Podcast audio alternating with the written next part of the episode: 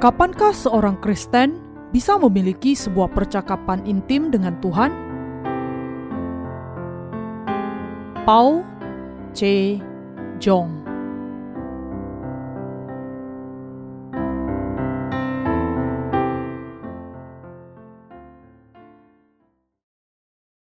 Silsilah Yesus Kristus Matius pasal 1 ayat 1 sampai 6 Inilah silsilah Yesus Kristus, anak Daud, anak Abraham. Abraham memperanakkan Ishak, Ishak memperanakkan Yakub, Yakub memperanakkan Yehuda dan saudara-saudaranya, Yehuda memperanakkan Peres dan Zerah dari Tamar, Peres memperanakkan Hezron, Hezron memperanakkan Ram, Ram memperanakkan Aminadab, Aminadab memperanakkan Hanason, Hanason memperanakkan Salmon, Salmon memperanakkan Boas dari Rahab, Boas memperanakkan Obed dari Ruth, Obed memperanakkan Isai, Isai memperanakkan Raja Daud, Daud memperanakkan Salomo dari istri Uria. Untuk bisa menjadi bagian dari silsilah Yesus Kristus, kita perlu percaya kepada keselamatan darinya. Dengan kata lain, percaya kepada keselamatan darinya adalah satu-satunya cara kita bisa menjadi bagian dari silsilahnya. Allah Bapa kita tidak mengutus malaikat-malaikat untuk menyelamatkan kita, dia mengutus anaknya sendiri. Yesus Kristus sajalah yang diutus oleh Allah Bapa kita untuk menyelamatkan kita dari dosa-dosa kita. Dia membuat perjanjian bahwa barang siapa percaya kepada Yesus, yang adalah anak Allah dan juru selamat kita, akan diampuni dari segala dosanya sekali untuk selamanya. Dalam konteks yang demikian, Matius pasal 1 ayat 1 mengatakan, Inilah silsilah Yesus Kristus, anak Daud, anak Abraham. Di sini, silsilah Yesus Kristus menunjuk kepada dunia rohani tentang bagaimana caranya kita bisa menjadi anak-anak Allah melalui iman dari pengenalan dan kepercayaan kepada Yesus Kristus yang dibebaskan dari kuasa kegelapan. Bagian ini menjelaskan apa yang dibutuhkan dari seorang berdosa untuk diselamatkan dari dosa-dosanya dan menjadi anak Allah. Dengan kata lain, untuk menjadi anak Allah, seseorang harus memiliki iman yang sama dengan iman Abraham. Iman yang bagaimanakah yang diperlukan untuk masuk ke dalam kerajaan Allah? Kita perlu percaya kepada firman Allah secara mutlak sebagaimana yang dilakukan Abraham. Bagaimana iman Abraham bisa berkenan kepada Allah? Dia percaya kepada firman Allah secara menyeluruh dan mengharapkan sesuatu yang mustahil menurut logika manusia. Dia percaya kepada perjanjian Allah sebagaimana yang dikatakannya yang melampaui pemikiran manusia. Itu adalah jangkauan iman yang menyeluruh. Bahkan meskipun istri Abraham sudah melewati masa untuk bisa memiliki anak, dan dengan itu mustahil bagi dia untuk bisa mengandung seorang anak, Abraham percaya kepada perjanjian Allah kepadanya bahwa keturunannya akan menjadi sebanyak bintang di langit. Karena itu, Allah memperhitungkannya sebagai kebenaran dan berkenan kepadanya. Demikianlah Abraham menjadi bapa dari orang-orang benar di dalam iman. Anda dan saya di zaman ini memandang kepada Abraham sebagai bapa dari semua orang-orang percaya karena dia percaya kepada firman Allah sebagaimana adanya. Demikian juga, kita perlu memiliki jenis iman yang dimiliki Abraham agar bisa masuk ke dalam kerajaan Yesus. Inilah satu-satunya cara bagi orang berdosa untuk menerima pengampunan dosa dan menjadi orang benar. Kita datang untuk masuk ke dalam kerajaan Allah dan menerima keselamatan darinya dengan menerima Yesus sebagai Tuhan dan Juru Selamat kita. Bagaimana kita percaya kepada Yesus sebagai Juru Selamat agar kita bisa menjadi bagian dari silsilah Yesus Kristus? Dengan kata lain, bagaimana kita percaya kepada keselamatan darinya bagi orang-orang berdosa? Kita perlu percaya kepada Injil, air, dan roh sebagaimana yang diberikan kepada kita. Allah Bapa kita mengutus anaknya, Yesus, ke dunia ini sebagai juru selamat dunia untuk menghapuskan segala dosa dunia.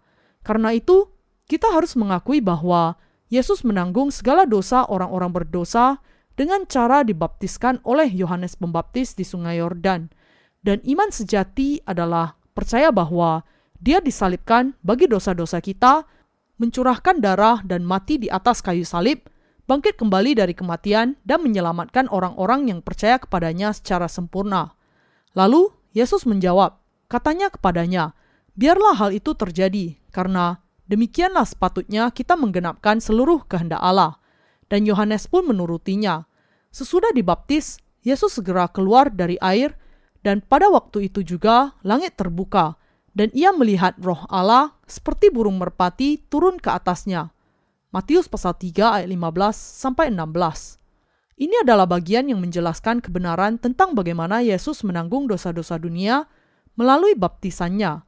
Allah Bapa kita mengutus Tuhan Yesus kepada orang-orang berdosa dan membuat dia menanggung segala dosa kita ketika dia dibaptiskan oleh Yohanes Pembaptis untuk membasuh hati kita menjadi putih seperti salju dan untuk membuka pintu ke kerajaan Allah.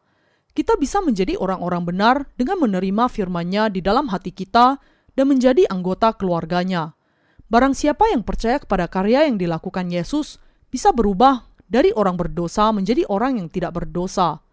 Jalan untuk bisa menjadi satu keluarga dengan Allah adalah dengan percaya kepada Injil, air, dan Roh.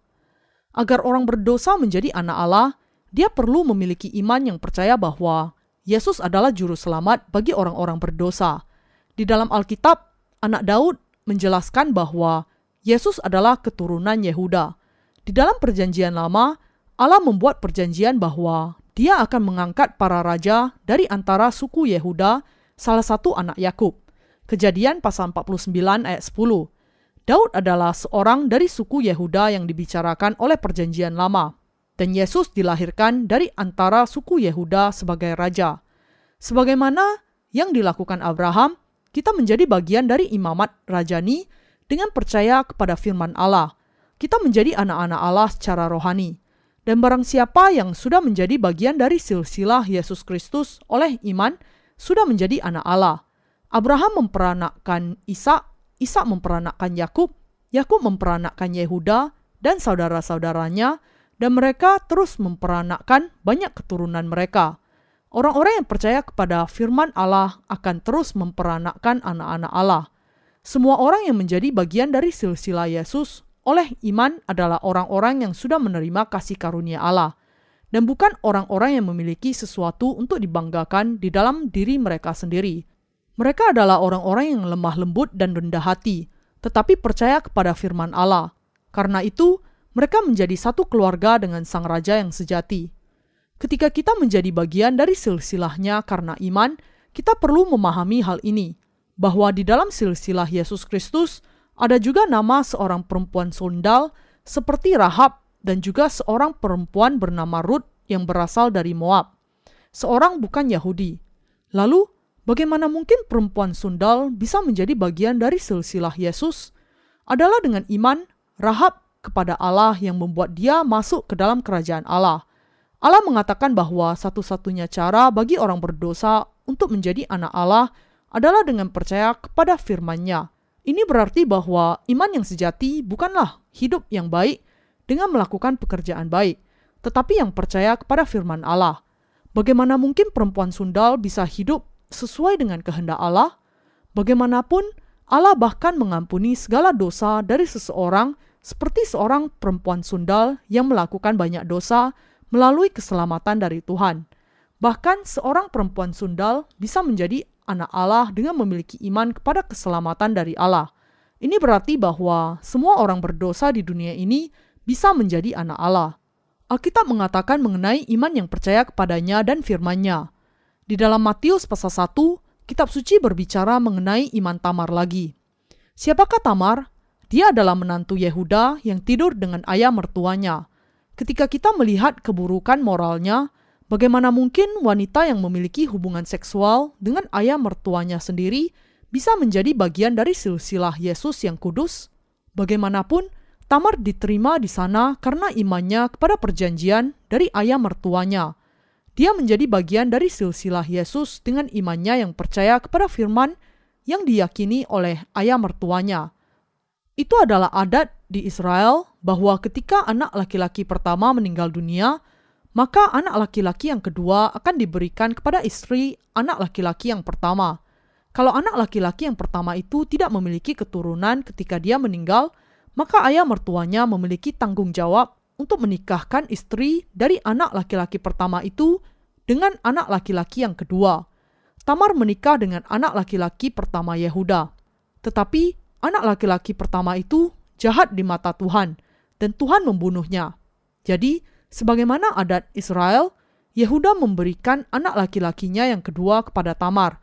Akan tetapi, anak laki-laki yang kedua itu tahu bahwa ahli waris itu tidak akan menjadi miliknya, dan karena itu dia membuang maninya di atas tanah, dan Allah membunuhnya. Ayah mertuanya harus memberikan anak laki-lakinya yang ketiga kepada menantunya. Akan tetapi anak laki-laki itu masih terlalu muda, sehingga ayah mertua berjanji bahwa dia akan memberikan anak laki-lakinya yang ketiga setelah dia dewasa.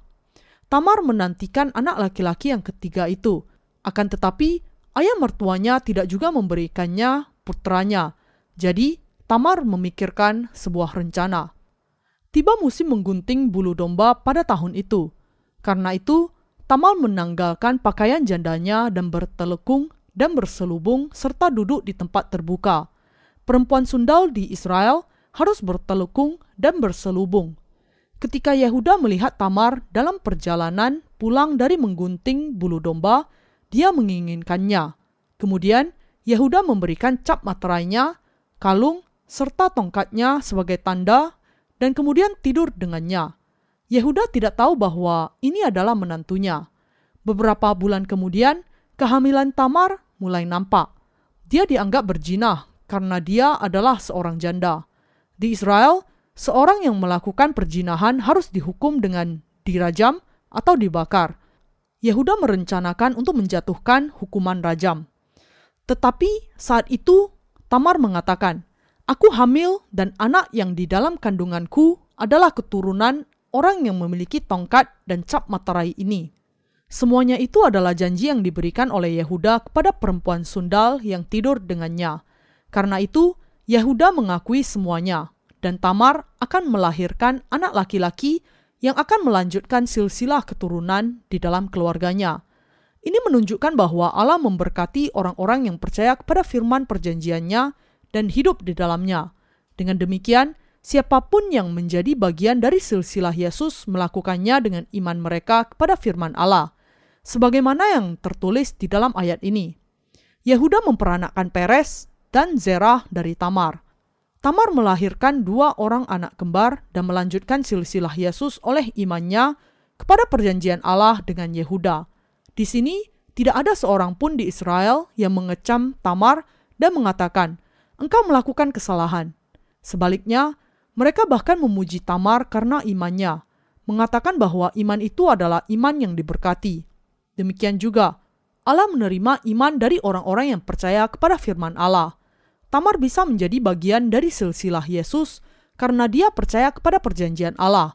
Kalau kita percaya kepada firman Allah, kita juga bisa menjadi anak-anaknya. Kita tidak menjadi orang-orang benar karena perbuatan baik kita.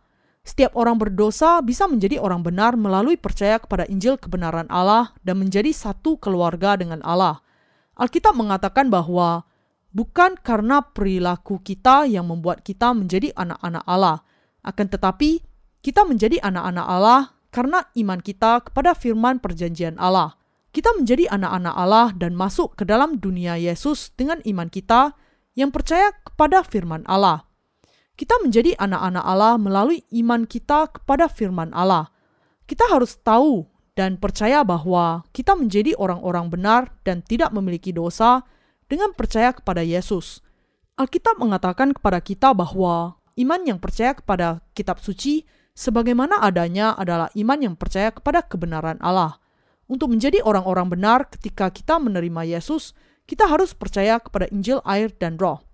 Kata pengudusan sering dipakai dalam semua agama di dunia.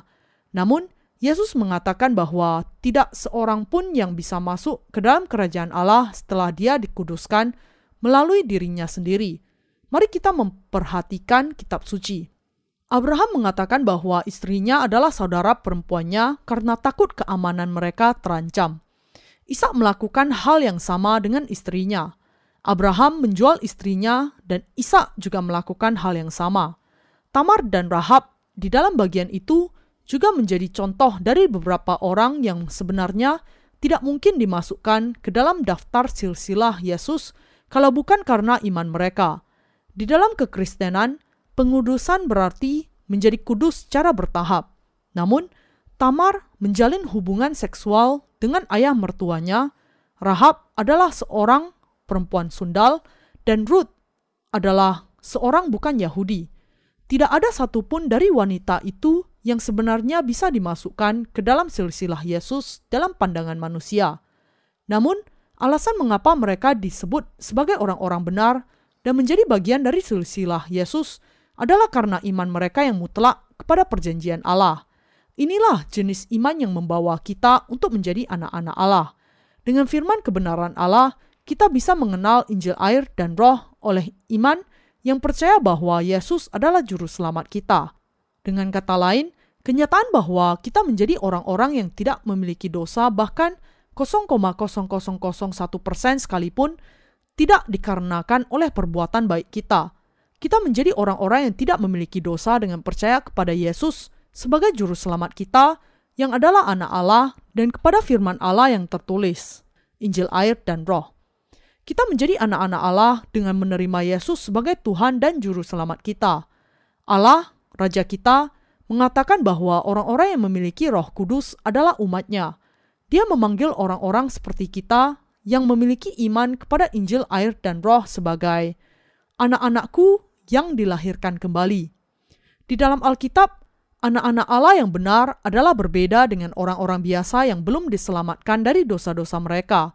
Orang-orang yang sudah menerima dan percaya kepada Injil air dan roh berbeda dengan orang-orang yang lainnya yang belum menerima pengampunan dosa-dosa mereka.